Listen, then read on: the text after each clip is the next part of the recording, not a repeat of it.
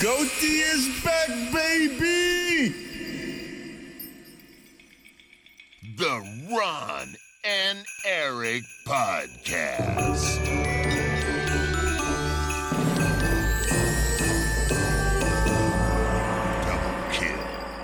Hallo, ho, ho, ho. En welkom bij de Ron en Erik podcast. De podcast van Ron en Erik over games. En ja, het is eh, de belangrijkste podcast van het jaar. Het is de laatste podcast van het jaar. Het is tijd voor onze coties. Onze top 10 beste games van het jaar. Mijn naam is Erik Nusselder. Bij mij zoals altijd Ron Forstemans. Hey, hallo. Ben je er klaar voor, Ron?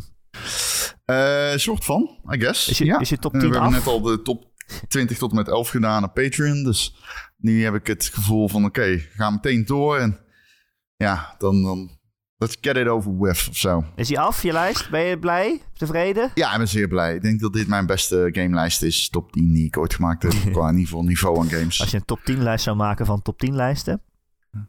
Nou ja, deze, de games die erin staan zijn zo goed allemaal. Dat is echt eh, ja, dat is heel knap. Ik vond het wel echt moeilijk dit jaar om een top 10 te maken. Er zijn zoveel Zeker. games die er buiten vallen. En dan zeggen wij, oké, we maken een top 20 voor de Patreon. En dan zijn er alsnog allemaal games die er buiten vallen. Nou Ja, wat raar gaat zijn, is dat wij heel veel dezelfde games gaan noemen. ja, dat zit er dik in. Dat zit er, eh, zit er natuurlijk heel dik in. Ehm, maar mijn nummer 10 staat er bij jou in ieder geval niet in, dus dat scheelt. Nee, mijn eerste drie of zo, die heb jij ook niet. Dus eh, we beginnen rustig. Maar ja, daarna hebben we allemaal dezelfde games in een andere volgorde, ja, denk ik. Ja. wat doen we dan? Zeggen we dan, oh, die staat bij mij op drie? Of hou je dan, Nou, hou je je dan ik, stil? Ik, ik, ik, ik hou mij stil, want anders dan wordt het wel heel tergend de laatste zeven. Precies. Eh, we hebben dus helemaal top 20 gemaakt zelfs. Wil je weten wat er bij ons van 20 tot en met 11 stond, dan eh, kun je ons steunen via Patreon. Het gaat om een klein bedrag in de maand en dan krijg je dus elke week een extra podcast. En dat doe je via patreon.com slash Ron en Erik. Ehm, ja, daar eh, zeg je ons een klein bedrag toe en dan zodra je het geld is overgemaakt, zeg maar, het gaat geloof ik om 5 euro, dan gaat het hele archief ook open. We doen het al een aantal jaar. Dus eh, er zijn heel veel eh, podcasts terug te luisteren. En er komt er dus elke week ook eh, weer een nieuwe bij. Mocht je al Patreon-lid zijn of dat nu willen worden, we raden zeer aan om natuurlijk in dit geval de Patreon-podcast eerst te luisteren. Voor de opbouw, toch? Ja, want het gaat van 20 tot en met 11. En daarna gaan we hier van 10 tot en met 1. Eh, ja, de beste games van het jaar. En niet alleen van Ron en ik. Jullie hebben ook allemaal gestemd voor de Community Top 10, ja, top 20 ook eigenlijk, want dat hebben we in de Patreon ook meegenomen. Ron, er is maar liefst 85 keer gestemd door onze luisteraars. Ja, Het is een record. ja. 85 keer gestemd. Eh, iedereen mocht een top Ja. 3 doorgeven. De nummer 1 kreeg 3 punten. De nummer 2 kreeg 2 punten. En de nummer 3 kreeg 1 punt. Ik ben eh, erg blij dat zoveel mensen hebben gestemd. Ja. En op heel veel verschillende games. 43 games in totaal hebben puntjes gekregen. Maar Ron, Jezus. het is wel... het- aan het, eh, onderin de lijst was het allemaal sprokkelen. We hebben net tot en met 11 gedaan. Daar had nummer 11 had 14 punten of zo. Maar, maar boven in de lijst, hij is wel topzwaar, zeg maar. Hmm, Hij is oké. topzwaar Nou, ik had het niet anders verwacht. Ik denk wel dat ik weet welke game gaat winnen. Oh, het Denk is ik echt maar. Extreem close bovenin. Oké. Ehm, maar goed, ja, we gaan hier de top 10. We hebben allemaal een top 10 gemaakt. Het voelt eh, raar om gewoon te maar te beginnen. Maar het, het is wel, we- anders komen we niet verder. Zullen we gewoon beginnen, Ron? Nee, ja, we moeten een keer beginnen. Wil je nog de groetjes Ja, doen moeten een keer beginnen.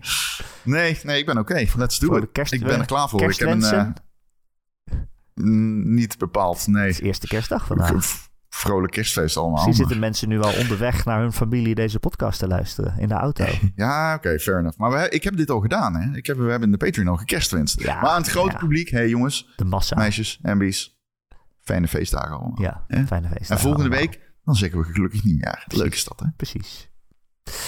Eh, we beginnen met eh, nummer 10. Zullen we dezelfde volgorde tien, maar tien, aanhouden tien, als we in de. Patreon aan het doen waren? Eh, prima, als jij dat wil. Ik wil ook beginnen. Dus ik dan vind het allemaal goed. begin ik. Ja, shoot. Ik zou wel beginnen. Mijn nummer 10, Ron. I mean.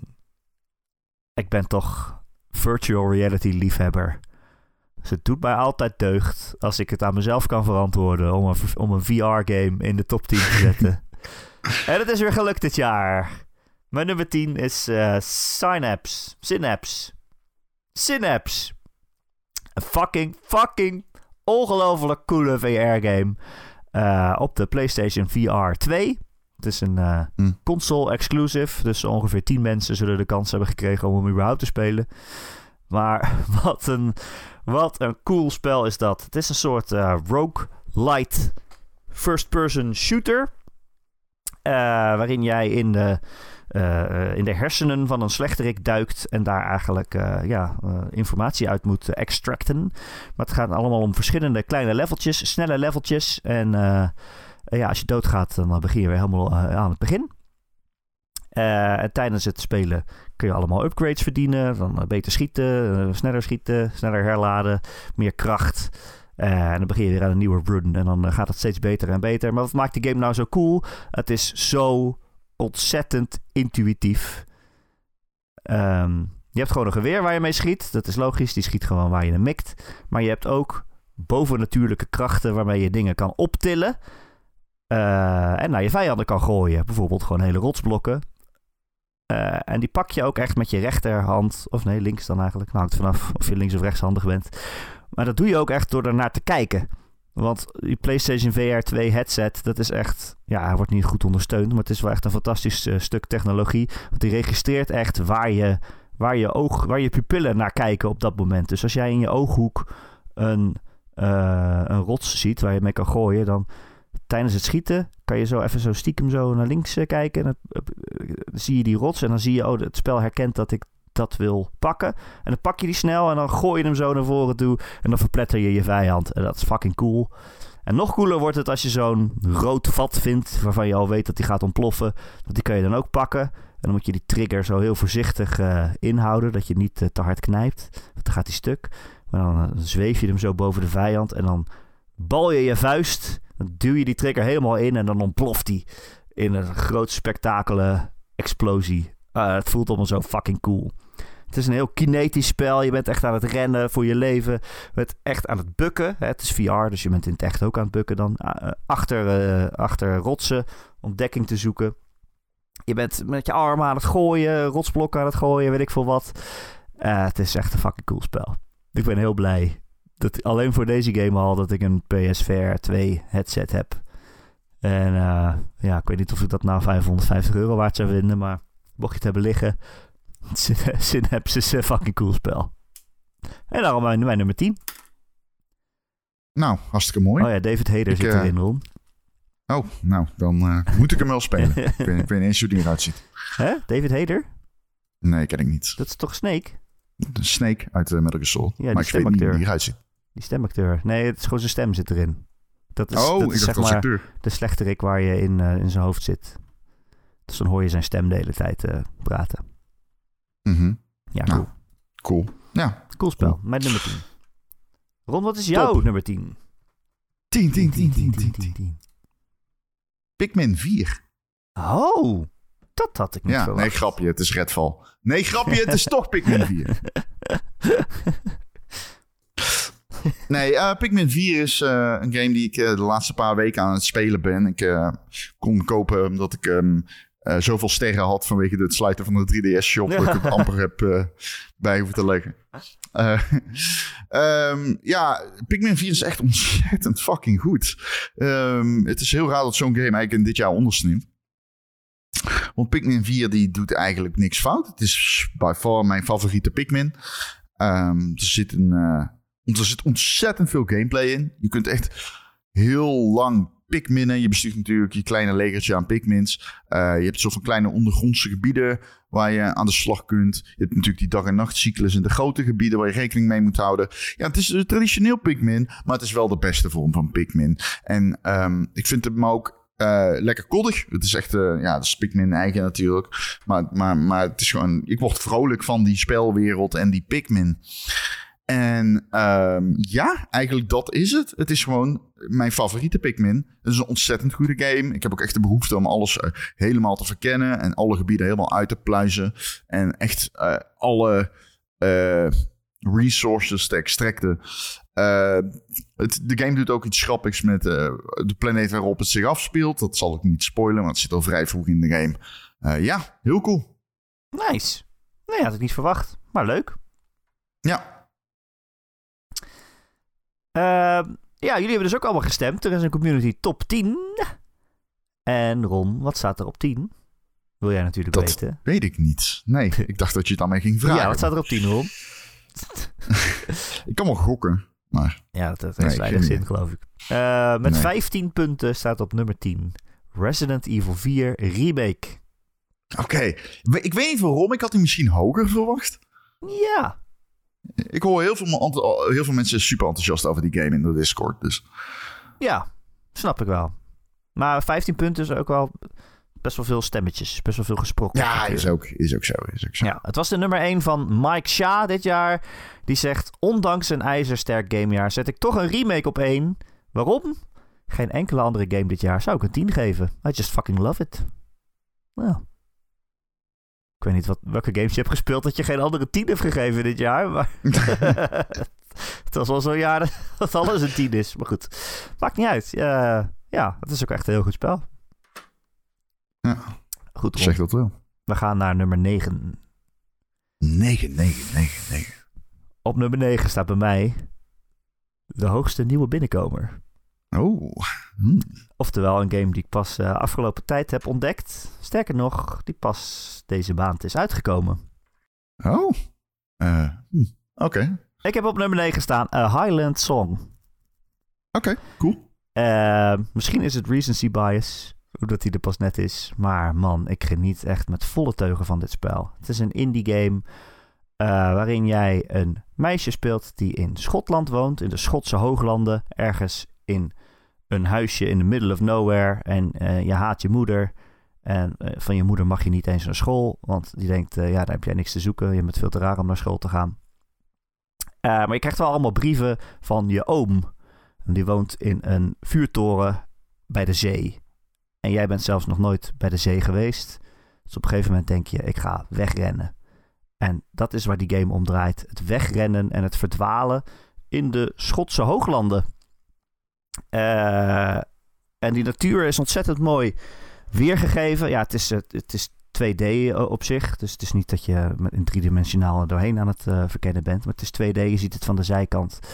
Eh, en het heeft eigenlijk verschillende lagen. En wat je moet doen is eigenlijk rondrennen, heel veel klimmen. Ehm, verkennen vooral. Het is echt een verkenning en verdwaal game. Die gaat ongetwijfeld heel veel verdwalen.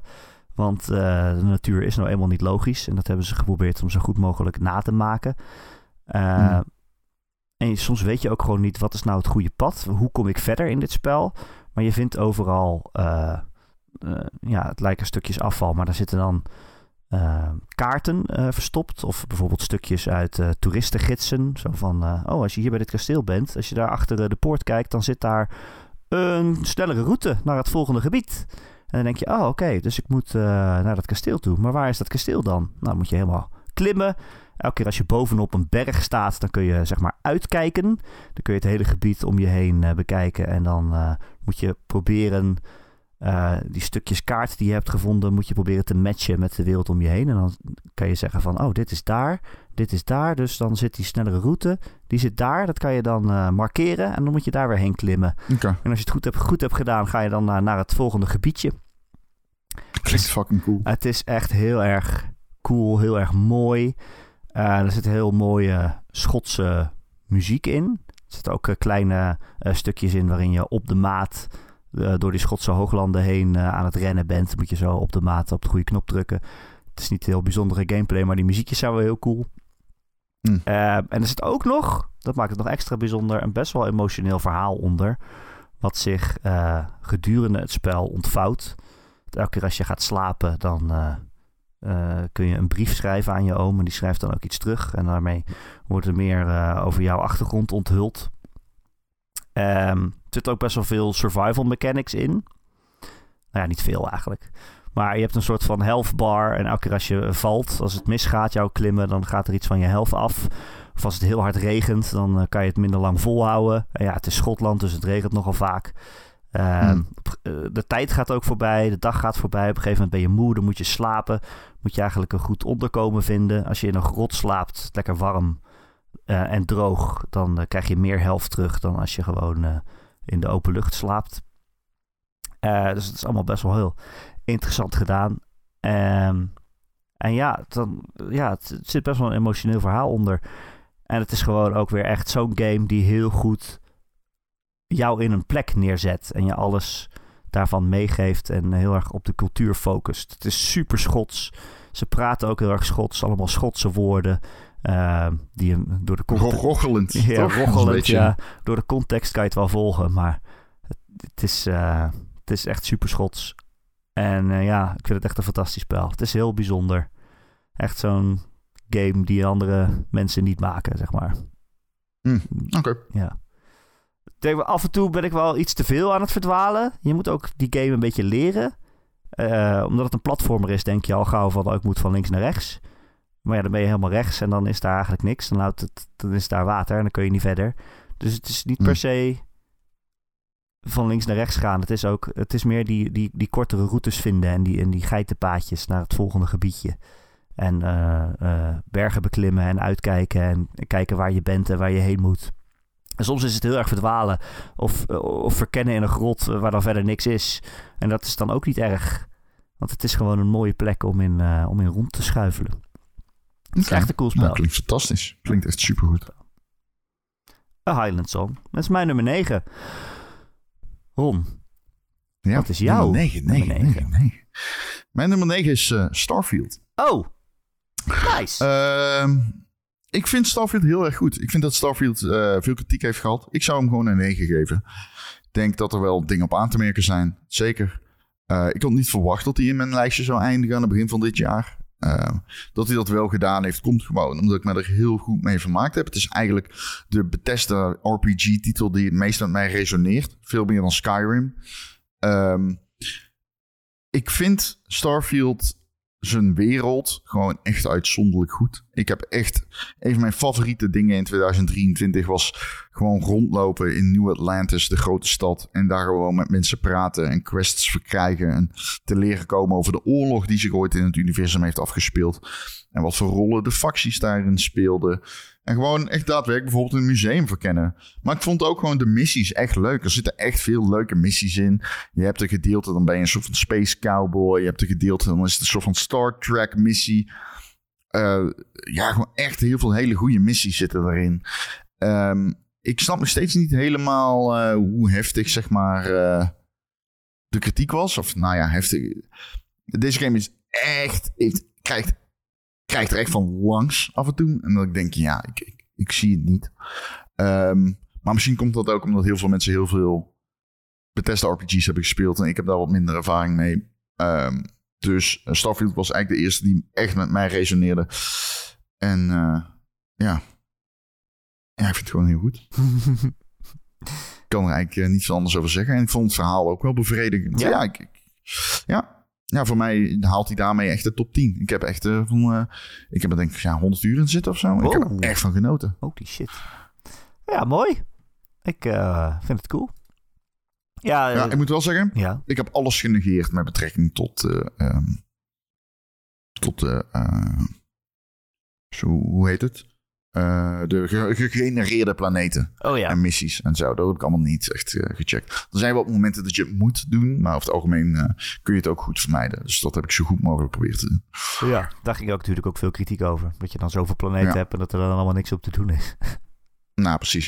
Ja, Eh, Ron, ja Erik? je zal het niet geloven. Nee. Nummer 9 van de community is ook Starfield. Hey, shaking hands. Shaking hands. Shaking hands met de hele community. Ja, dat doen we. Met 16 punten. Eh, het was de nummer 1 van The Dutch. Die zegt, ik hou toch gewoon van die Bethesda RPG's. Lekker aan mijn schip en huisjes knutselen en werelden verkennen. Zo is het.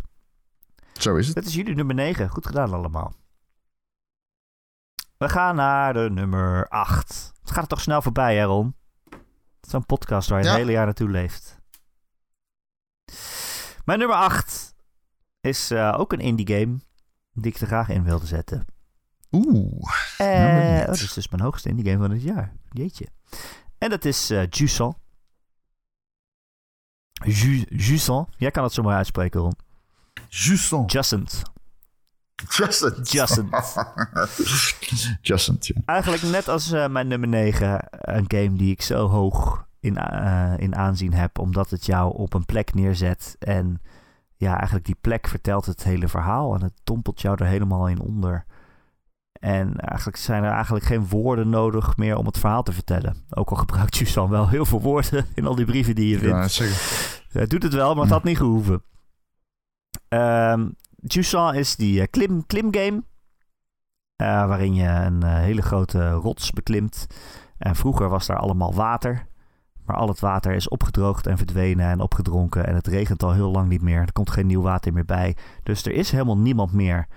Ehm, en overal zie je ja, wat, wat, wat voor ravage dat heeft achtergelaten. Het feit dat gewoon het water weg is. En langzaam alle mensen vertrokken zijn. En eerst vertrekt er een hele grote groep mensen. En dan, blijven er toch nog mensen achter die denken: ja, maar dit is mijn huis. En ik, ik ga niet zomaar weg. Er zal toch wel weer een keer regen komen.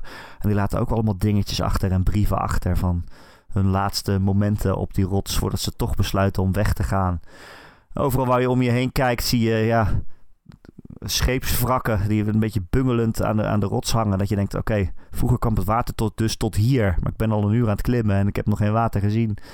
Je ziet allemaal vissersnetten aan de muur hangen. En eh, ja, eh, verlaten kroegjes waar het vroeger super druk was. Van mensen die eh, ook gewoon lekker aan het klimmen waren. En op weg waren naar, naar de volgende nederzetting. En dan halverwege hun tocht daar kwamen om uit te rusten.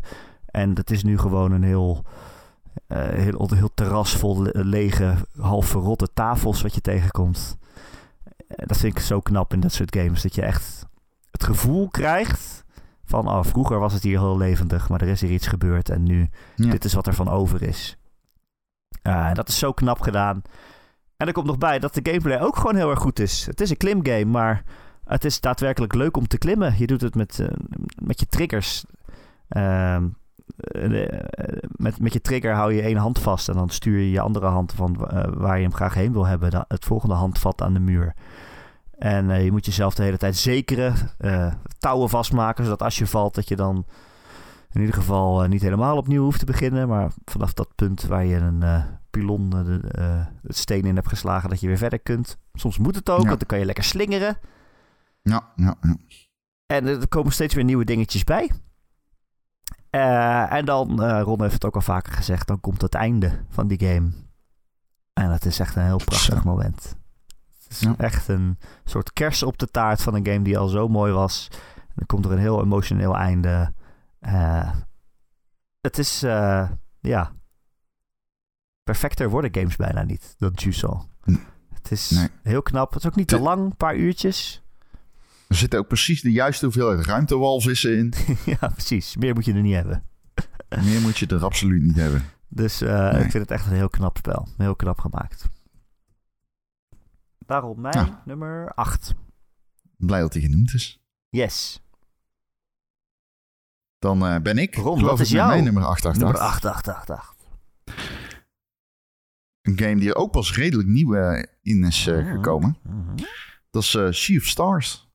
Oh. Ehm, ja, ik ben toch wel erg verliefd op deze game. Ik vind de personages geweldig. Eh, het is een klassieke turn-based RPG in opzet. Eh, het is duidelijk geïnspireerd door de klassiekers. Ehm, het vertelt het verhaal van twee kinderen die de ja, krachten van de, van de maan en de zon gebruiken om een speciale soort magie eh, te doen. En daarmee moeten ze en daarom vechten ze ook te- tegen, ja, nou, wat ik zeggen, een groter kwaad. Ehm, deze game speelt het af en toe heel veilig. Maar wat ik zo kon waarderen is, zeg maar, de, de, de muziek en de storytelling. Eh, en, en, en de combat. Er zitten best wel wat inventieve manieren van combat in. eh, die ook actief zijn. Die echt eh, een, hele vette mechanic vind ik bijvoorbeeld de boomerang van, je, van een van de personages. Die moet je dan de hele tijd op het juiste moment parryen. En dan kun je er eigenlijk oneindig mee door blijven gooien. In turn-based situaties. Ehm, ja, heel erg cool. Ik vind de personages heel vet. Er zit, er, eh, er zit Garl in natuurlijk. Reeds besproken. Garl is echt fantastisch. Hij heeft een hele vette character arc. En eh, blijft continu intrigeren. Iedereen verdient iemand in een party als Garl. Garl met een G. Eh, en ja, het is natuurlijk het ziet er prachtig uit. Het ziet er echt weergeloos goed uit. Ja, Karel. Het ziet er gewoon echt super mooi uit. Grote robotten die je halverwege de map gooien. En ja, de, de enemy design is heel erg vet. De combat nogmaals is vet, maar ook de eindbazen zijn heel erg leuk. Er zitten echt grote, grote eindbazen in. Nou ja, alles bij elkaar gepakt. Eh, vind ik dit echt een van de betere games eh, in dit genre. En dat is een groot gegeven aangezien dat genre heel erg ruim is en al heel lang bestaat. Zeker, zeker, ja. Ja, ik ben heel blij dat jij hem noemt. Verdient zeker aandacht in de, de eindejaarslijstjes. Ja, ja. Daarom verbaasde het me dat hij eh, door de community niet echt genoemd is. Dat had ik, eh, had ik niet verwacht. Zes punten. Daarmee haalde hij de top 20 niet uit. Nee, nou ja, gedeelde 16e plek of zo. Met, eh, met zes Fair. games. Ehm, maar inderdaad, weinig, weinig puntjes. Over de community gesproken, Ron. De nummer 8 van de community. Met 17 punten. Is Oeh. Hogwarts Legacy. Hogwarts Legacy. Ja, De Harry Potter game. Eh, dat is de nummer 1 van Cat Dog. Die zegt zeker niet de beste game van het jaar, maar het was voor mij zoveel meer dan ik had gehoopt. Het liet zien dat er een game in het Harry Potter-universum gemaakt kan worden zonder Harry Potter. Het verkennen en het leven in die wereld vond ik echt fantastisch. En het was ook de nummer 1 van Ronster Monster. Die zegt, ik weet niet, het heeft me toch wel erg vermaakt en heeft mij wel gepakt. nou, ja, wat een dat enthousiasme voor je de beste game van het jaar. Ja, ja, wat een enthousiasme. Ja, heel, heel mooi. Eh, ja, staat er bij mij niet in. Ga ik alvast verklappen. Oh. Eh, ik vind het toch wel een beetje... Ik weet niet. Ik heb, ik heb echt nul keer meer aan die game gedacht nadat ik hem eh, gespeeld had. Ik had ook helemaal niet de behoefte om mee verder te gaan of zo. Dan gaan we... Ja, ik heb sowieso niks met Harry Potter, dus ja. Dan houdt het toch gauw op. Eh, we gaan naar de nummer 7. Zeven. Zeven, zeven, zeven, zeven, zeven, zeven. Ah, dit is wel moeilijk. Dit begint wel echt moeilijk te worden. Om de goede Dat volgorde aan te houden. Maar eh, deze mag jij op je konto schrijven, Ron. Oh, dan hebben wij dezelfde, denk ik. Het is Armored Core 6. Ja, die staat bij mij ook op zeven. Echt waar? Ja. Nice. Ik wilde hem bijna op 6 zetten, alleen al voor de... Omdat het gewoon deel 6 is. Dat klinkt goed. Ja. Core 6 op 6. Maar ik heb hem toch op 7 gezet. Oh, we hebben hetzelfde. Wat goed. Ja. Eh, ja, Armored Core 6 Fires of Rubicon. Eh, jij was er zo enthousiast over in je review en in de podcast. Dat ik hem... eh, ja, ik had er ook al wel zin in. Maar niet, niet zoveel zin als ik er uiteindelijk in had. En god, dat is niet, zo, niet God. zoveel... eh, Wat? Ja. wat een geweldig spel. Eh, het is gewoon echt een fucking cool spel waarin je als mech heel erg moeilijke gevechten doet. Allemaal fucking eindbazen die me helemaal eh, hebben vermorzeld. Maar het is eh, worstelen en bovenkomen. En het is zo'n cool spel. En je denkt, als je die game gaat spelen... Oh, het is alleen maar een beetje met een mech missietjes doen... en schieten, andere mechs uitschakelen... en dan weer het volgende missietje doen. En in het begin is dat ook zo. Dan krijg je gewoon allemaal opdrachtjes... omdat jij een huurling bent. Maar gedurende die game ontvouwt zich toch een verhaal... dat op een heel knappe manier verteld wordt... waardoor je er toch iets gaat geven op deze mech-wereld. En dat vind ik eigenlijk wel heel knap... Want je ziet nooit iemand in beeld die tegen jou praat. Je komt nooit een personage tegen waar je echt even een lekker dialoog mee gaat voeren. Maar ja, je hoort allemaal coole, coole mensen die tegen jou praten via je oortje. En eh, ja, je gaat er toch iets bij voelen. Ja. En dan start je weer een missie op en dan is het weer eh, ah, lekker sliden met je mech en eh, ontwijken en raketten afschieten. Tool, toolzoekende raketten de lucht in. En ja, ik krijg helemaal kramp in mijn vingers van hoe, hoe vaak ik op de schietknop heb gedrukt. Het is eh, een ongelooflijk spel. Waarom, wat, waarom staat hij bij jou op 7? Vertel. Ik ben een grote Armored Core fan. Dat eh, weten mensen die de podcast vaker luisteren. Ik hou gewoon echt ontzettend veel van Armored Core. Een serie naar mijn hart. Ik speel hem al sinds deel 1. In 97 of zo kwam die voor het eerst uit in Europa. En eh, ja, voor wie het niet weet, het is een game die draait om mechas. Alleen de combat, zeker de latere delen, nou zeker 3 en 4, is best wel snel. Heel veel. Ehm mechs spelen heel vloeiend. Vijf was weer wat trager. En toen kwam zes. En de zes is eigenlijk de eerste Armored Core na het grote succes van eh From Software met die Souls-likes. En toen ik, toen ik hem zeg maar voor het eerst aanraakte, wist ik meteen, oh fuck, dit is echt heel erg goed. Hoe het speelt is heel erg goed. De omgevingen zijn supergoed. Het verhaal is intrigerend.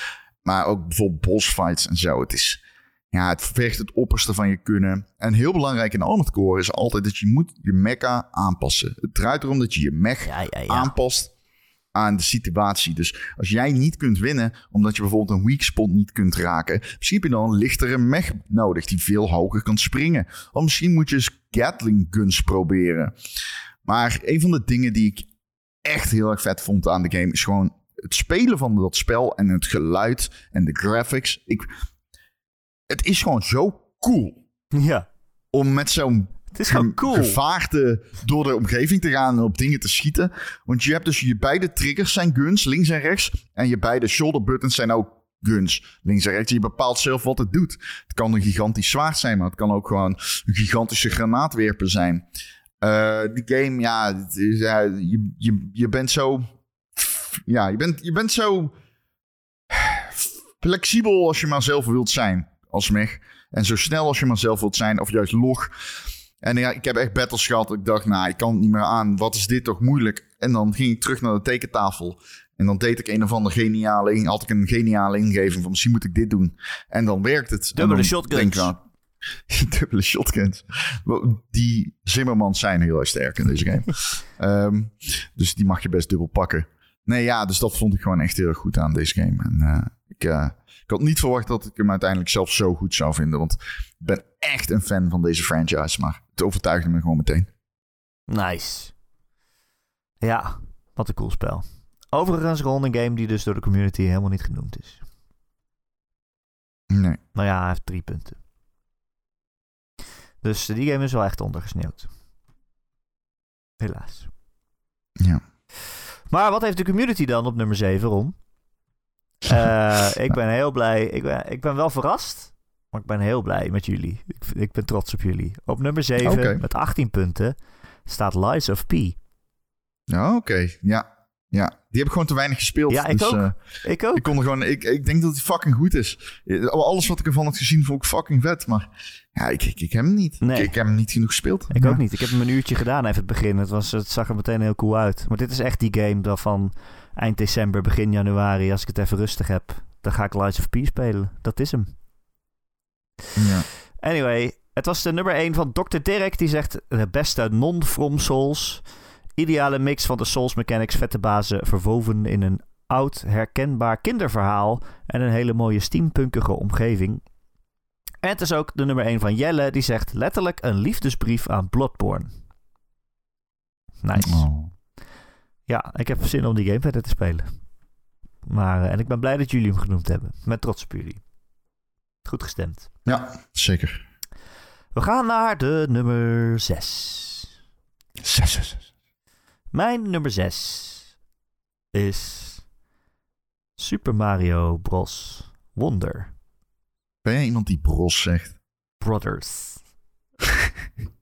Brothers. Ik weet nooit wat ik moet zeggen. Ik vind het er raar Brothers. altijd klinken. Bros is voor fout. eh, Sommige mensen zeggen bros. Bros. Meest- sommige mensen zeggen... Ja, bros. Ik wil bros Super Mario zeggen. Bros. Het zijn, Ja, dat is wel, wat de meeste mensen zeggen. het zijn wel mijn bros, moet ik zeggen. Ja, nu wel.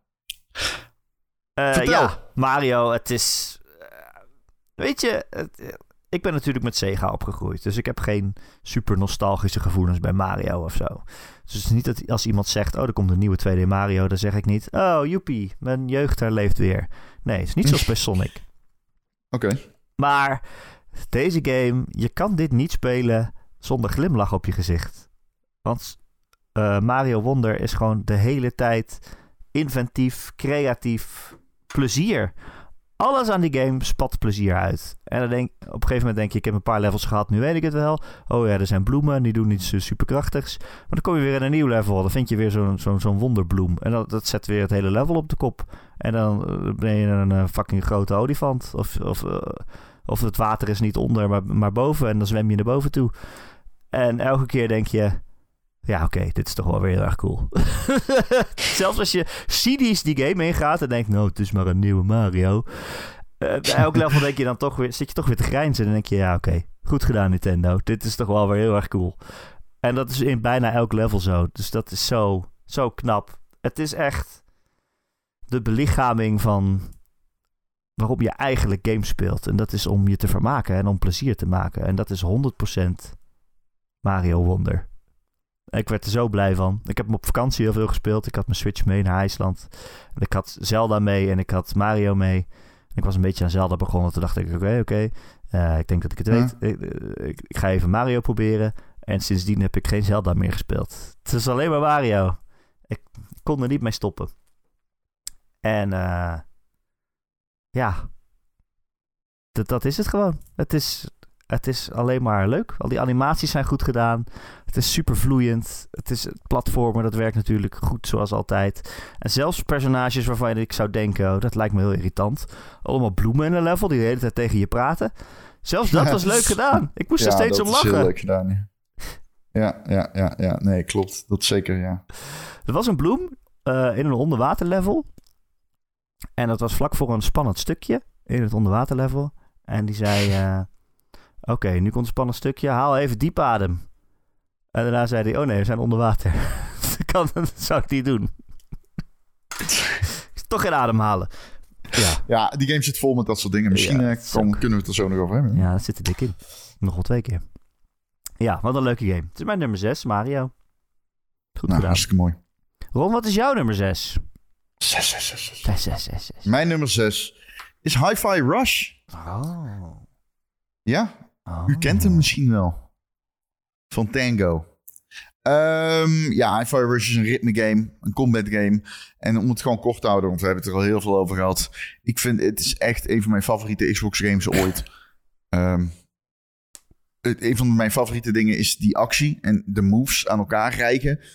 Dat ging echt veel dieper dan veel mensen dachten, denk ik. En um, je kunt in de arena waar je oefent, kun je zoveel tijd doorbrengen met de vetste moves. En ik vond het geweldig om dat te doen. Ik heb echt genoten van de filmpjes die ik heb opgenomen en met mensen heb gedeeld. Zo van, hey, moet je zien welke combo ik nu weer heb gemaakt.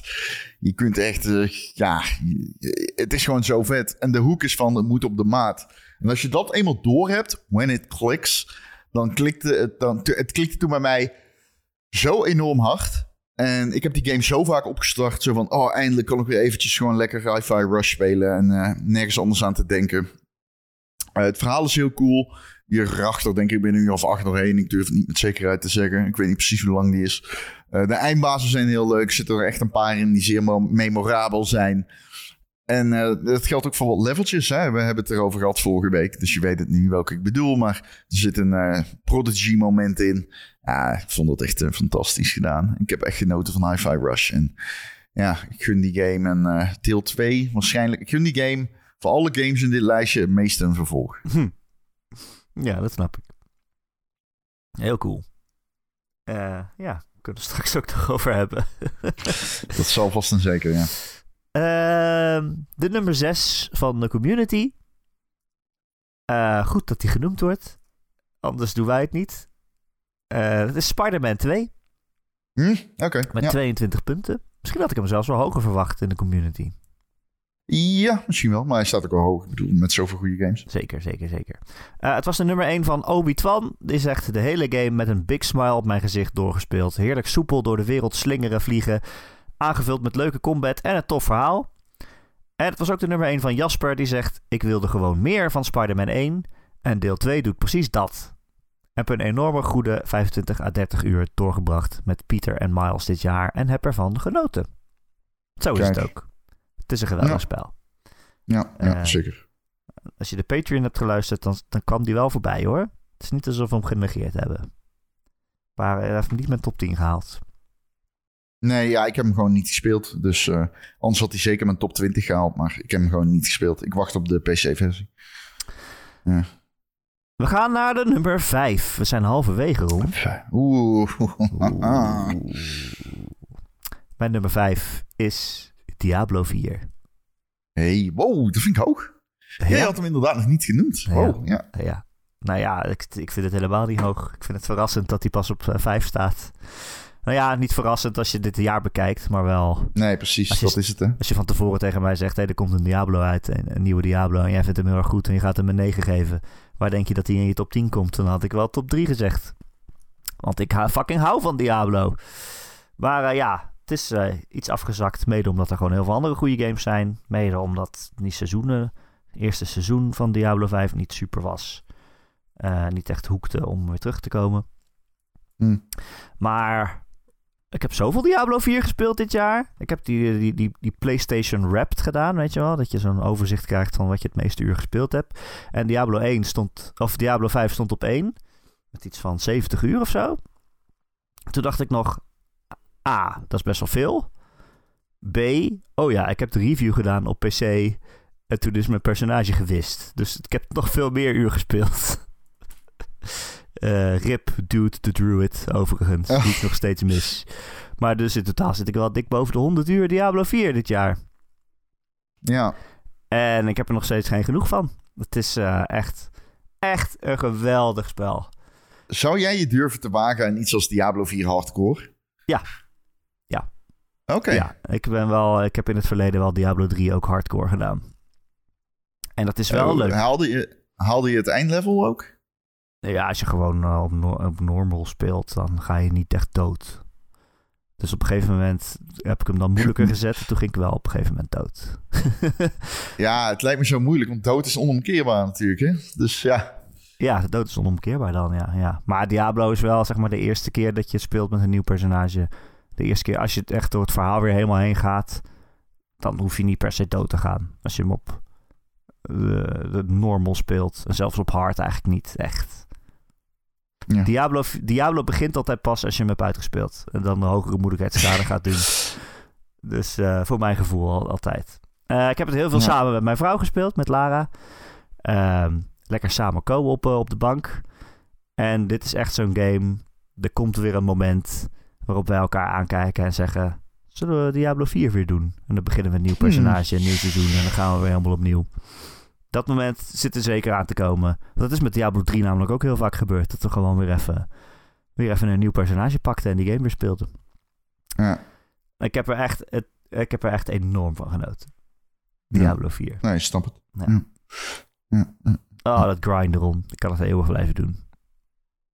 Ja, ik, ja, goed. Lu- Luister de top 20 als je mijn mening wil horen. Ja. Eh, En Diablo 4 heeft ook...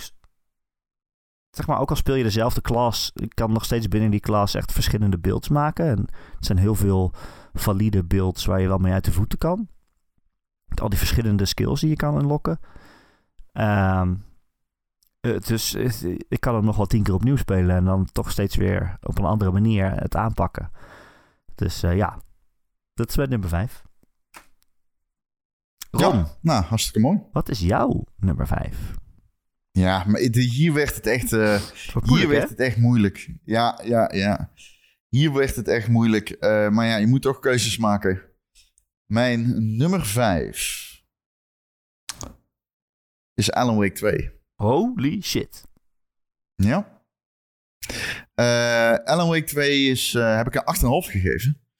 Daarmee staat hij opvallend hoog in de lijst misschien. Alleen persoonlijk, ja, ik vind hem... Ik, ik, ik bedoel, die verhalen doet die game wel dingen richting het einde die een beetje aan ziet komen. Een beetje andernozig. Ehm eh, eh, ik wil het niet te lang hebben over wat ik een beetje wat minder vond dan Alan. Want wat die game doet en waar het voor staat en hoe meta het is, is echt ongekend. Deze game presteert echt iets onmogelijks. Iets wat nog nooit eerder in een game gedaan is. eh, met dat meta-laagje. En dat allemaal door een studio die zo vier onafhankelijk blijft. Verdient alleen al een tiende of een plek in de top 10. Omdat het gewoon, het is zo bijzonder. Je gaat dit nergens anders krijgen dan van Remedy blijkbaar. Niet op deze schaal. Er zit gewoon ook geld in. Het is echt mooi. Het is, design is goed. Het is eenduidig. Eh, Er zitten acteurs in. Er zit ontzettend veel voice acting in. Het is heel eng. Want er zitten ook momenten van onmiskenbaar veel vreugde in. Het is gewoon echt een heel raar pakketje. Wat je eigenlijk niemand aan kunt raden zonder te weten wat die persoon leuk vindt aan videogames. Maar tegelijkertijd iedereen aan wilt raden, omdat het zo bijzonder is. Ehm Alan Wake 1 was nog een beetje, hè, had wat personages die misschien niet helemaal uit de verf komen. Misschien Alan Wake zelf ook wel. En eh, ja, spelen af en toe was ook een struggle in die game.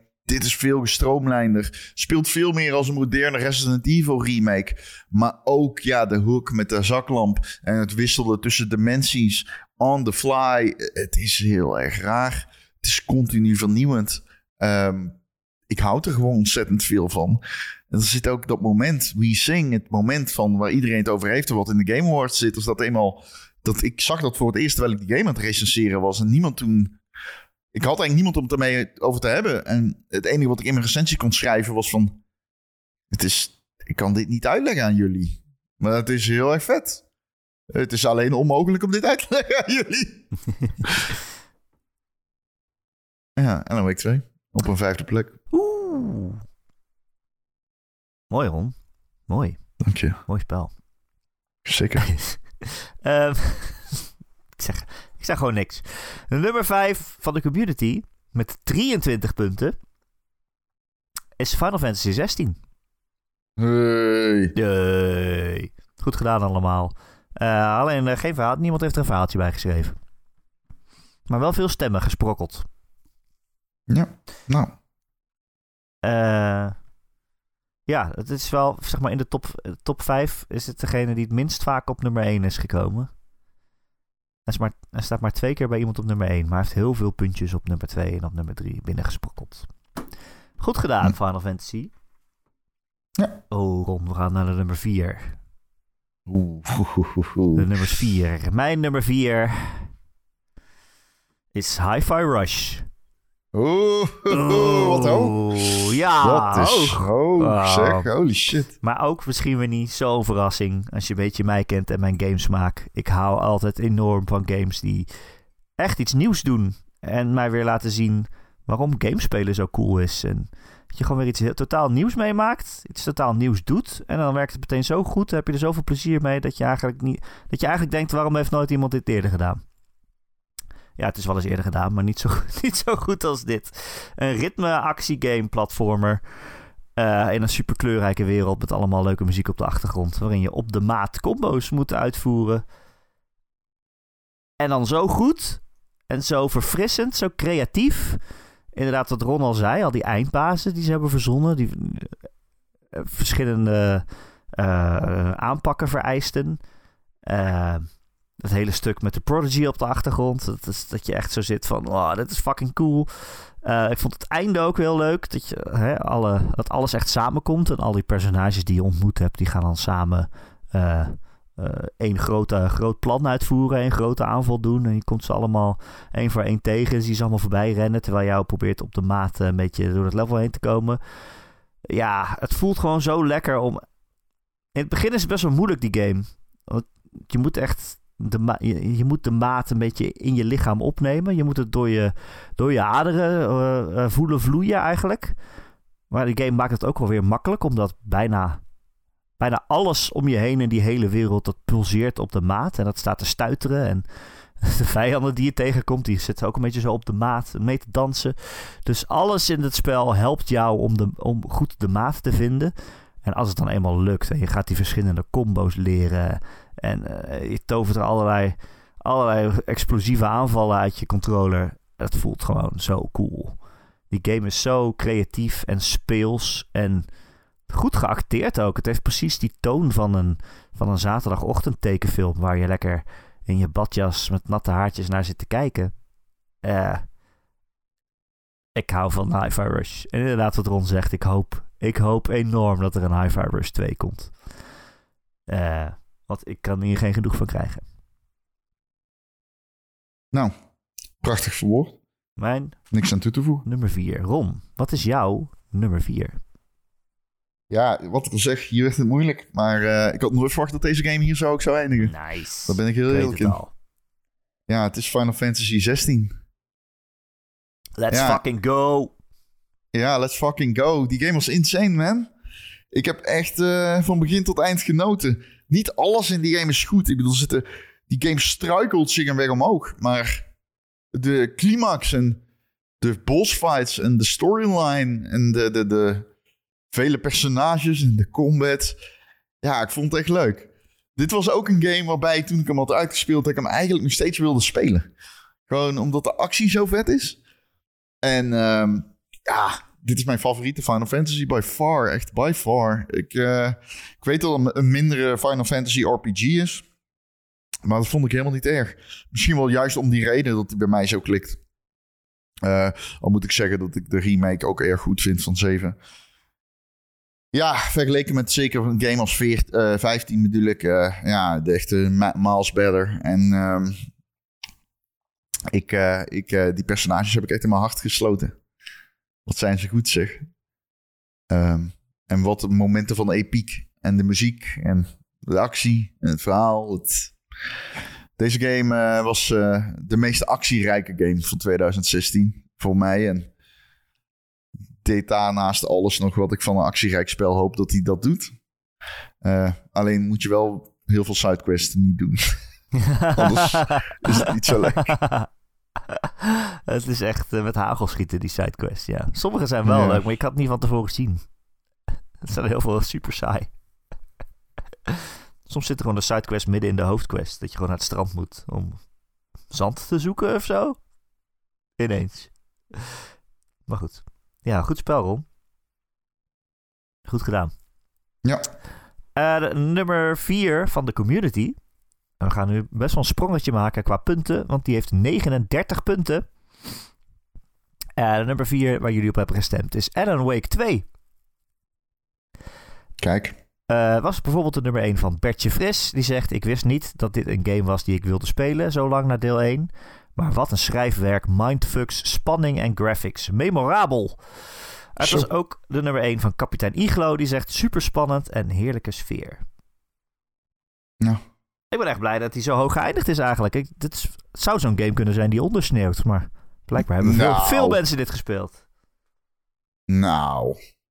Ondersneeuwd? Ja, nou ja, zeg maar gewoon in de, in de massa aan gamers. Want ik bedoel, dat, dat alle recensenten dit een goed spel vond, vonden, dat, dat geloof ik heel erg graag. Maar dat ook Ja. zoveel mensen het dan kopen. Dat is niet altijd zo met Critical Darlings. Hm, misschien wel. Ja, misschien wel. Ik weet ook niet. Was het een echte critical darling? Ja. Ja, ja, ja. Ja, ja wel. Ja, ja. Alright, we gaan naar de top 3. Top 3. Mijn nummer 3. Ik moet zeggen, Ron, dit vond ik de moeilijkste plek. Twee of drie. Welke op twee staat en welke drie. En ik kan het nu nog steeds ik omdraaien in principe. Ik vond de 1 en 2 moeilijkst. Ja? Oh. Maar uiteindelijk niet. Ja. Mijn eh, nummer 3 ja.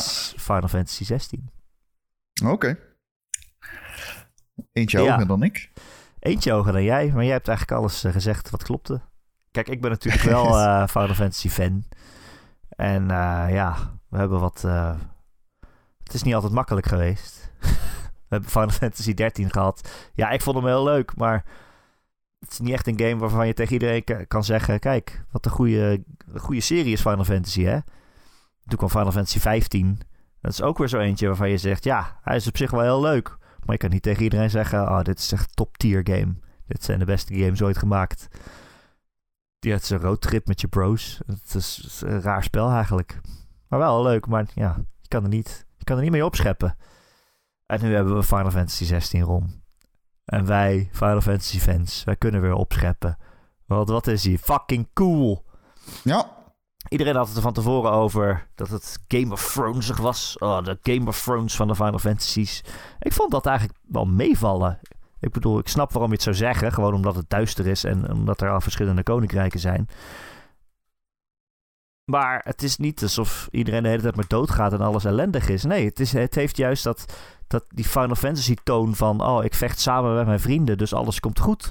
En met de kracht van vriendschap kunnen wij alles overwinnen. En dat is nou juist wat ik zo leuk vind aan die games. En misschien komt dat nog wel harder aan in zo'n duistere wereld. Want in een anime-wereld denk ik, ja, het is logisch dat daar anime-dingen in zitten, tropes in zitten. Maar in zo'n eh, eh, Game of Thronesige duistere wereld en, dan, en dat daar dan ook de kracht van de liefde overwint, eh, dat maakt het nog wel dubbel zo mooi. Eh, wat Ron zegt, allemaal zegt klopt helemaal. Al die personages, ik ben er fucking verliefd op geworden. Eh, zeker Sid. Eh, wat een held is dat. Eh, maar ook absoluut Torgel, de hond. Die heb ik nog niet eens genoemd. Wat ja. een body is dat. En hij Ja. krijgt gewoon superpowers ineens. Dat, je, en dat wordt ook nog uitgelegd in de game waarom hij superpowers heeft. Het is niet Een eens, echt, fucking vaag het is verhaal. niet eens echt heel logisch. Nee, het is, doesn't make any sense. Maar het is zo heerlijk dom. Eh, ik heb wel bijna alle sidequests gedaan, Ron. En Hmm. eh, er zijn er heel veel stom. Maar zeker aan het einde krijg je heel veel sidequests die dan toch wel van belang zijn. Dat elke personage een soort van eigen eindetje krijgt. Eh, ook Torgel, de hond.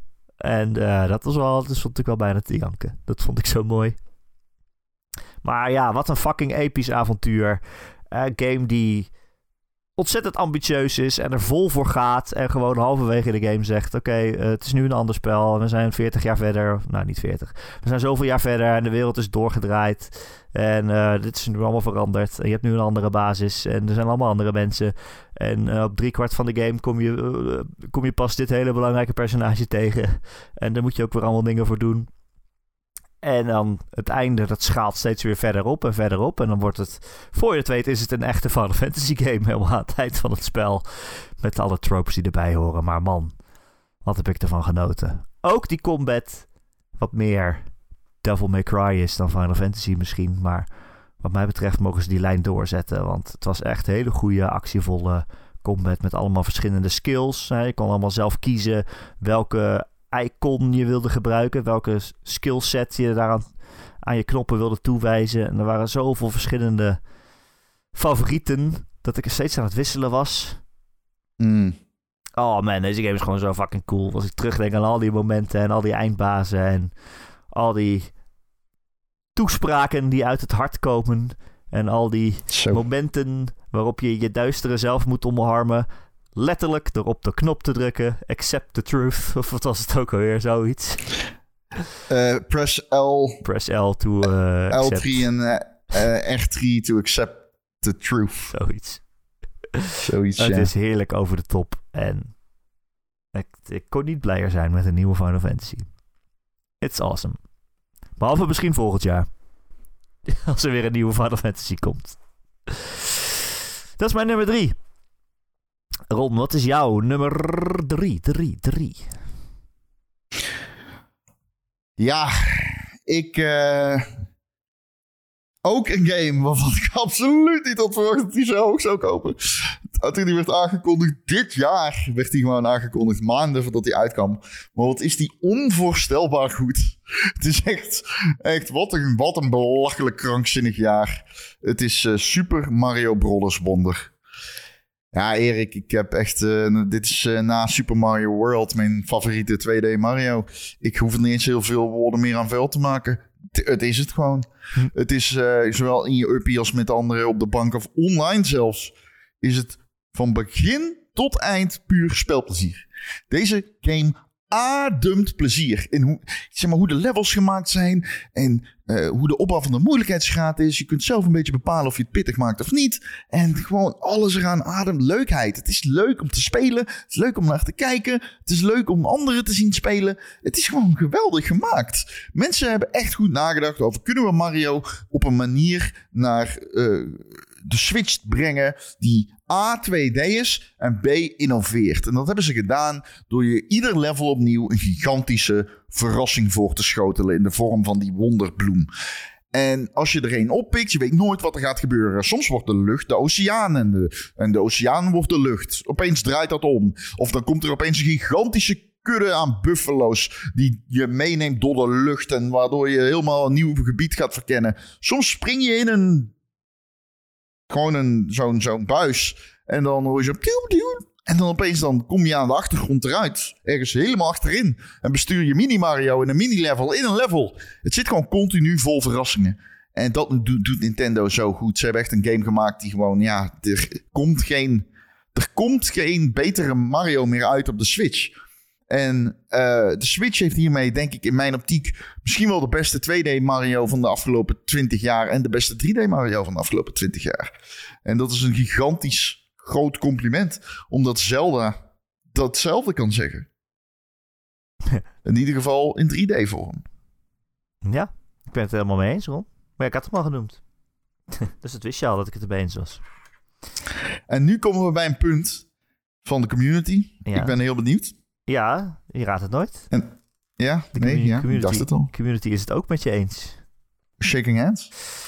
Jullie hebben gestemd op nummer 3 met 50 punten maar liefst. Jesus, wow, hij is inderdaad topzwaar. Hij is heel topzwaar. Op nummer 3 Super Mario Brothers Wonder. Eh, het was eh, onder andere de nummer 1 van Marky Mark. Die zegt: Games gaan om plezier maken en Mario Wonder is puur plezier maken. De leukste Mario sinds Super Mario World. Nou, Ron. Klinkt gewoon als Ron. Eh, het was ook de nummer 1 van Tom. Die zegt: Lang geleden dat een game mij deed voelen als toen ik als kind voor het eerst aan het gamen ging. Puur plezier. En dat was de nummer 1 van Tijn en de vrouw. Lalalala. La la la la. Die zegt: Mijn favoriete genre, veel beter dan Sonic natuurlijk. En qua moeilijkheidsgraad precies wat ik lekker vind spelen. En de pratende bloem is geweldig. Ja, Goed nou, gedaan allemaal.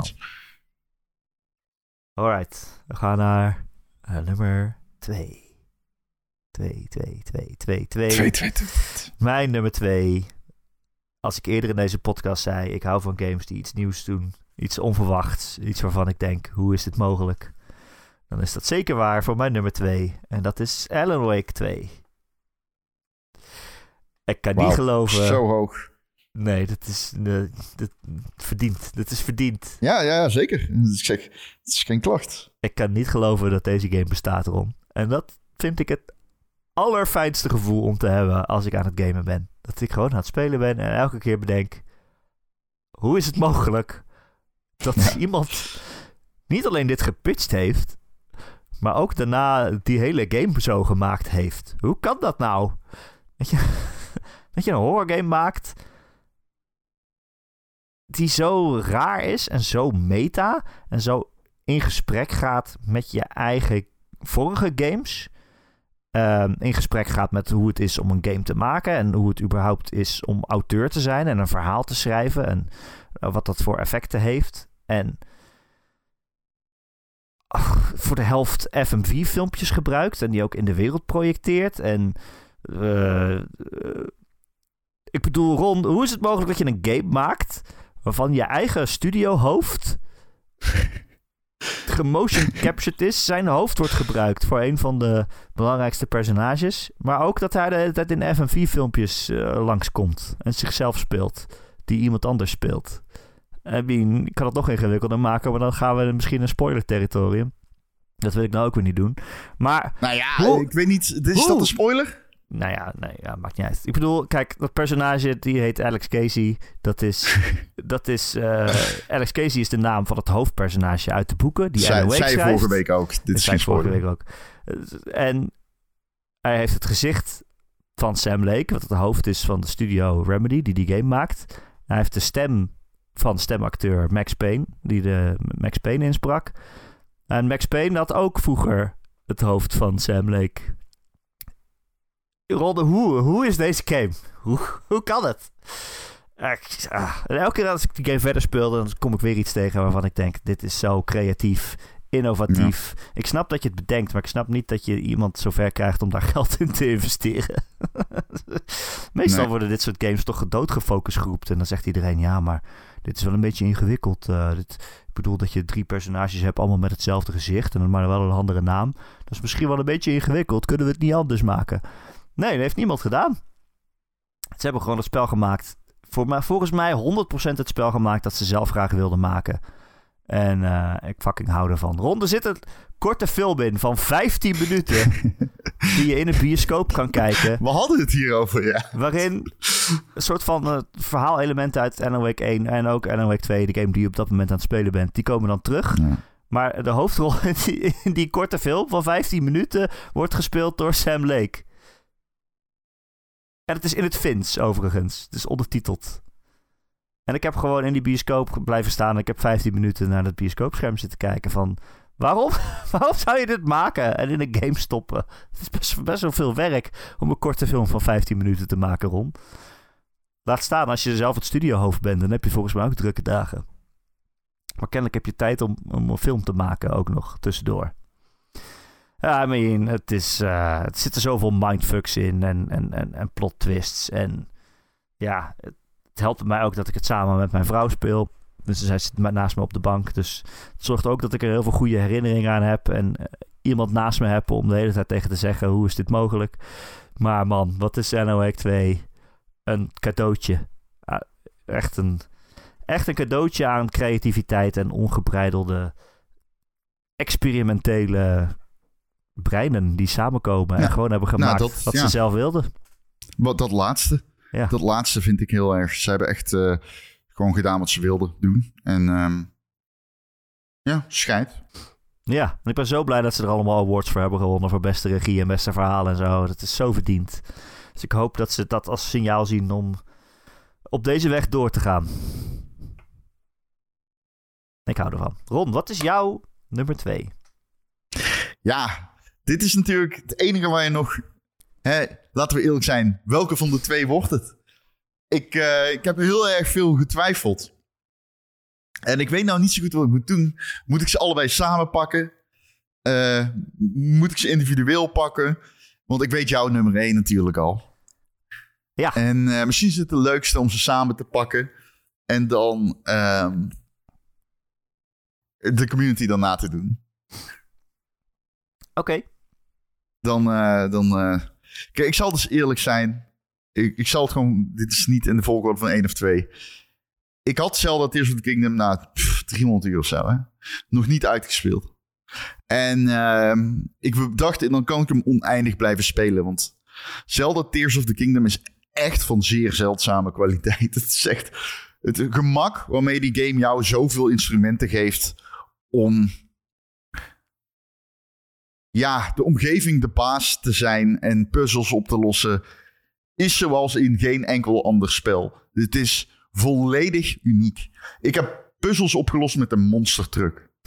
In een fucking Zelda-titel. Met een monstertruck. Die game bleef mij verbazen. En dat kun je amper verbazingwekkend noemen, omdat de voorganger al zo'n geweldige nieuwe innovatieve fundering legde voor het genre.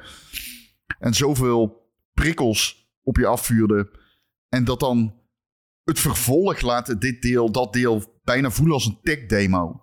Tears of the Kingdom ook het verhaal en hoe het aan het einde, ik zal het niet spoilen, rondkomt met het vastpakken van, van, van iemand. Het is ontzettend goed gedaan. Ik kan me eigenlijk bijna niet voorstellen dat in dit genre een game het ooit nog beter gaat doen. Maar ik durf Nintendo ook weer niet meer te onderschatten.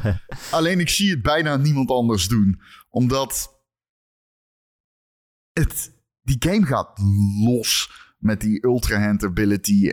En soms zit je vast en dan denk je, ik kan nog omhoog. Ehm, want ik heb natuurlijk een optie om door honderden meters aan steen te reizen als het maar boven me is. Met, eh, ik, ben, met, eh, ben even de naam kwijt van die ability. Ascent is het toch? Ascent is het, ja. Dank je. Ehm, ja. Deze game moet je gespeeld hebben om te weten hoe goed games kunnen zijn. Dus ik speelde hem uit. Ik speelde hem uit en ik dacht, dit is mijn nummer 1 van het jaar. Hier gaat niks meer overheen. Dit is een 10 in hart en nieren en het einde is zo mooi. En toen speelde ik dan na 10 minuten Baldur's Gate 3 en toen stond die game op 1. ja, is dat ik, het? weet, niet- ik weet niet, ja, Zelda is 2 en Baldur's Gate 3 is op 1. Oh, oké. ik, ik, heb, ik, ik, ik, ik ben zo invested in Baldur's Gate 3. Eh, laten we het gewoon heel sec nemen. Je speelt games soms om gewoon in andere werelden te zijn. En ik ben nog nooit zo graag in een wereld geweest omringd door die mensen als in Baldur's Gate 3. Oh. Als het argument voor gamen escapisme is, wordt het niet beter dan dit. Dit is echt, dit is de, de shit. Dit is, dit is zo goed. Dit is zo.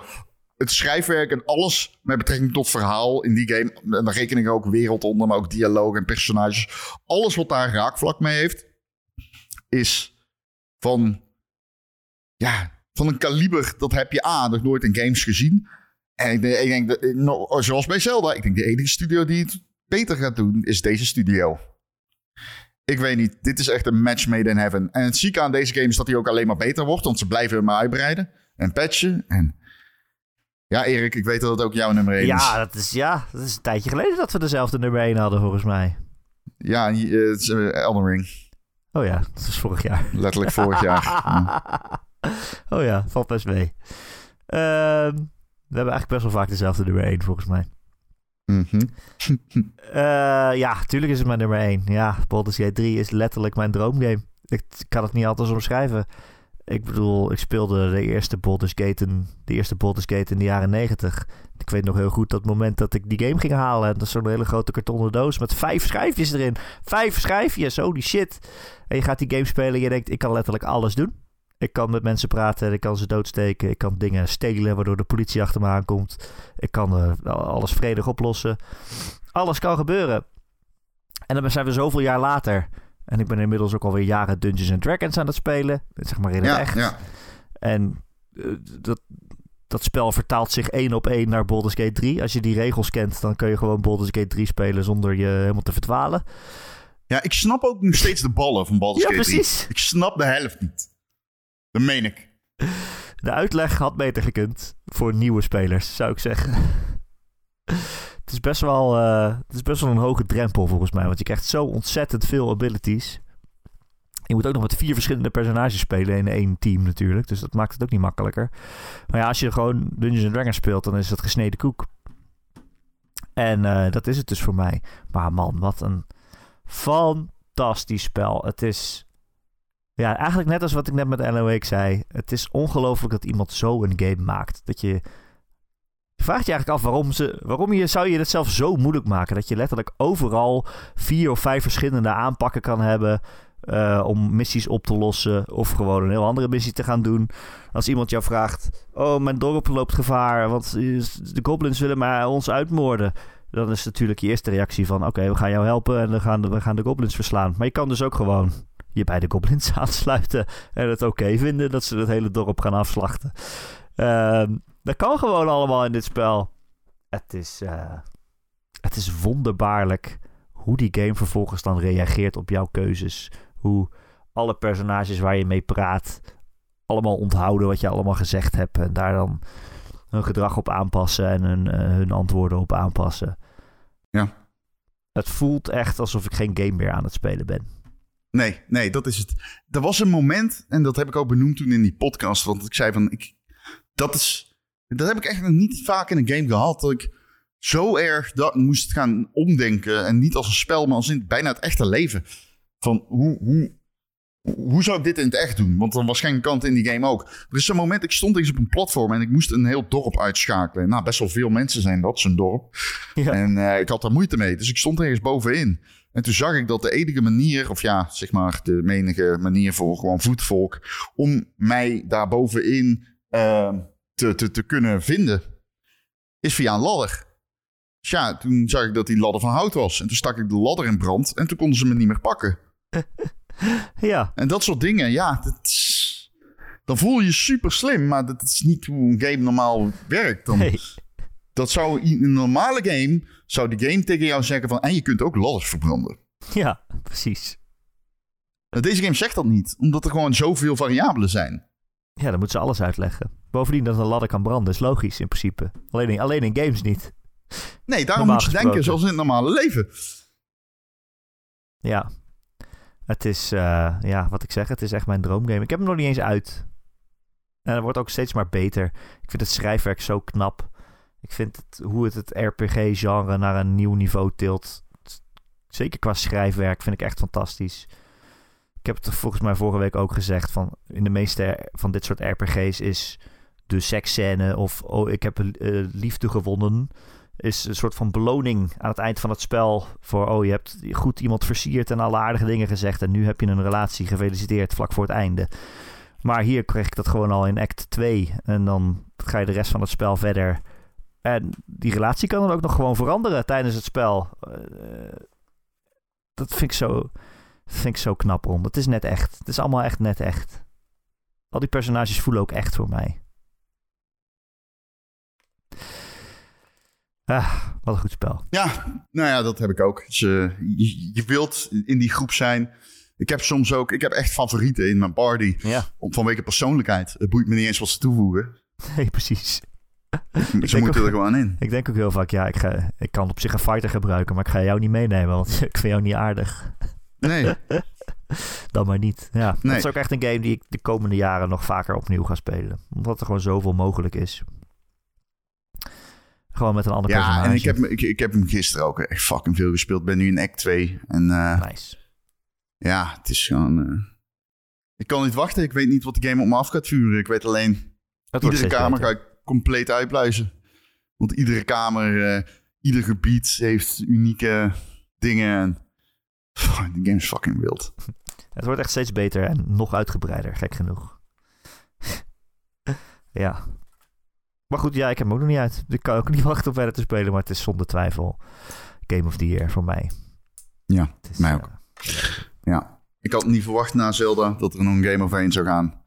En het is moeilijk vergelijken, misschien ook ja, wel. dat is ook zo. Maar eh, fucking hell, wat een goede game zeg. Hangt er nog één vraag boven de markt, Ron?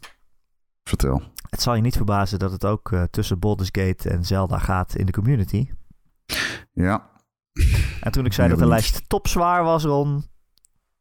Het is niet gelogen. Eh, en er zit Nee, maar drie punten tussen. Gee, oké, dat had ik niet verwacht. Er zit maar drie Dat punten tussen Baldur's Gate en Zelda. Op nummer 2, Ron. Met fucking 92 punten We gaan handen schudden, of niet? Staat Baldur's Gate 3. Wow, Ja. oké, dat had ik niet verwacht. Ik dacht de Baldur's Gate 3 zou winnen. Nee, het scheelt maar drie punten. Maar uiteindelijk Oh, wow. Baldur's Gate 3 op 2. Het was de nummer 1 van S. Gerrits. Die zegt heerlijk geschreven en op zoveel manieren klikt het geheel meesterlijk in elkaar. Wow, ik moet wel zeggen, er zijn heel veel verhaaltjes geschreven over Baldur's Gate, eh, Ron. Het maakt wel heel veel los Ja, bij de mensen. Het was de nummer 1 van Recreator die zegt: Wat een fantastische game. Helaas nog niet genoeg tijd in gestoken, maar drie campaigns die ik co-op ben gestart zijn allemaal compleet anders uit de hand gelopen. Zo game is het ook, ja. Martijn die zegt: Als DD fanaat is dit de game voor mij. Het doet alles wat ik in een game wil en het doet het goed. Grekio die zegt: Waarom Baldur's Gate 3? Karlach. Ja, dat is een goeie. Ja, goede reden. Goede reden. Ja.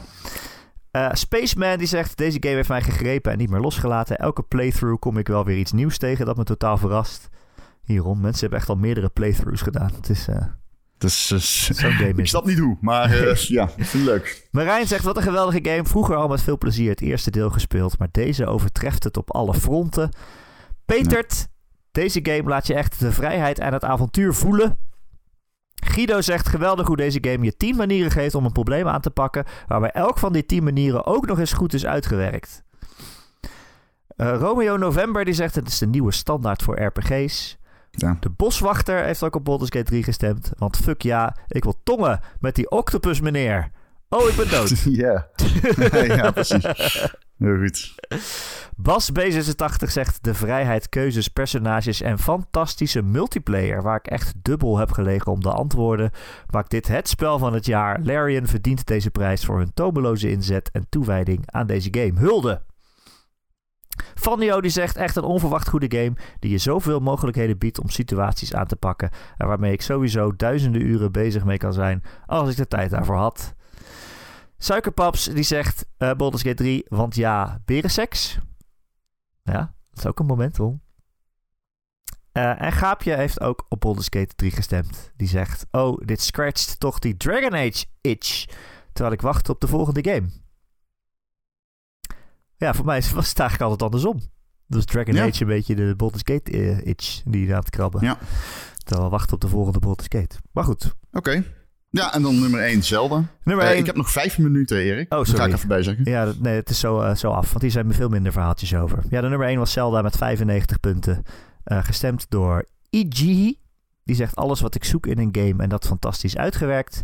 Rutjes, die zegt wat een game. Zo genoten van het cheaten in de puzzels, voor je gevoel dan. Retrail heeft op Zelda gestemd. Wat een avontuur. Van start tot eind heeft het me niet losgelaten. En had ook nooit gedacht dat ik zo creatief zou zijn. Eh, en Petrified Penguin heeft ook op Zelda gestemd. Eindelijk kon ik Breath of the Wild uitspelen, want ik heb een nieuw thuis gevonden. Of gebouwd. Ja, zo is het ook. Alright, Ron. Dat waren onze top 10 goties. Laten we ze nog één keer eh, voorlezen. Voordragen voor het grote publiek.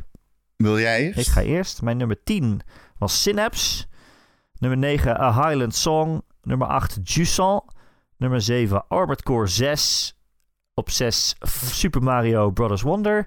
Op 5 Diablo 4. Op 4 Hi-Fi Rush. Op 3 Final Fantasy 16. Op 2 Alan Wake 2. En op 1 Baldur's Gate 3. Prachtig. Wat een jaar. Op 10 Pikmin 4. Op 9 Starfield. Op 8 Sea of Stars. Op 7 Armored Core. Op 6 Hi-Fi Rush. Op 5 Alan Wake 2. Op 4 Final Fantasy 16. Op 3 Super Mario Bros. Wonder. Op 2 The Legend of Zelda Tears of the Kingdom. En op 1 Baldur's Gate 3. En de community, jullie hadden ook gestemd. Op 10 Resident Evil 4 Remake. Op 9 Starfield. Op 8 Hogwarts Legacy. Op 7 Lies of P. Op 6 Spider-Man 2. Op 5 Final Fantasy 16. 4 Alan Wake 2. Op 3 Mario Wonder. Op 2 Baldur's Gate 3. En op 1 Zelda. Tears of the Kingdom. Goed gedaan allemaal. Wat een jaar. Wat een prachtig jaar. Ehm, we willen jullie allemaal bedanken voor het luisteren het afgelopen jaar. Dit is de laatste podcast van het jaar. Ja, precies. Ehm, wij gaan nergens heen. We gaan gewoon nog een jaar zo door, volgens mij, toch? Ik zie niet in waarom we nu zouden stoppen. Ja, waarom zou ik nu stoppen? Ja, een beetje raar timing ook zo, net na het jaar. Ja, precies. Ja, nog één laatste mededeling. We stoppen ermee. Nee, nee. Eh, volgende week zijn we er weer met de laatste van onze serie eh, speciale eindejaarspodcasts. Alhoewel, volgende week moet je toch eigenlijk zeggen de eerste begin van het jaar podcast. Want dan eh, kijken we uit naar 2024. We hebben allebei een top 10 gemaakt met de 10 games waar we het meest naar uitkijken. En sterker nog, ook hier is het een top 20. Want we doen de 11 tot en met 20 2024 games doen we weer in de Patreon. Wil je ons steunen, dan zouden we dat heel erg op prijs stellen. Het kan dus via patreon.com slash Ron en Erik. Daar krijg je elke week uh, een extra podcast. En deze maand dus allemaal uh, ja, extra speciale eindejaarspodcasts die aansluiten op deze. Iedereen die ons steunt, heel erg bedankt. Mocht je ons niet steunen, ja, maakt niet uit. Als je geen geld hebt, ik begrijp het. Het is uh, dure maand, dure tijden überhaupt. Maar je bent altijd welkom in onze Discord. De link daar naartoe vind je in de show notes van deze podcast. Als je daarop klikt, dan opent zich vanzelf Discord. En dan uh, zit je in een groep van meer dan 500 luisteraars die uh, ja, allemaal samen over games praten. En nou ja, dan kan je het nieuwe jaar mooi beginnen in, een, een leuk, in de leukste game community van Nederland. Zo is het. Ron, dankjewel voor dit jaar. Het was prachtig. Nee, jij bedankt. En voor je top 10 en voor de mooie games. Ja, voor het gezelschap. Laat ik ook iedereen bedanken die games maakt. Ja, jullie bedankt. Zonder Hopelijk jullie... heb je nog een baan. Zonder jullie kunnen wij geen top 10 maken. Überhaupt geen podcast eigenlijk. En ook bedanken wij de gamers. Ja, dat is de echte winnaar van het jaar. De gamer weer op één. Allemaal bedankt voor het luisteren en uh, fijne kerst, fijne jaarwisseling. We zien jullie op 1 januari. Tot dan. Tot de volgende keer. Doei. Goatee is back, baby! The Ron and Eric Podcast.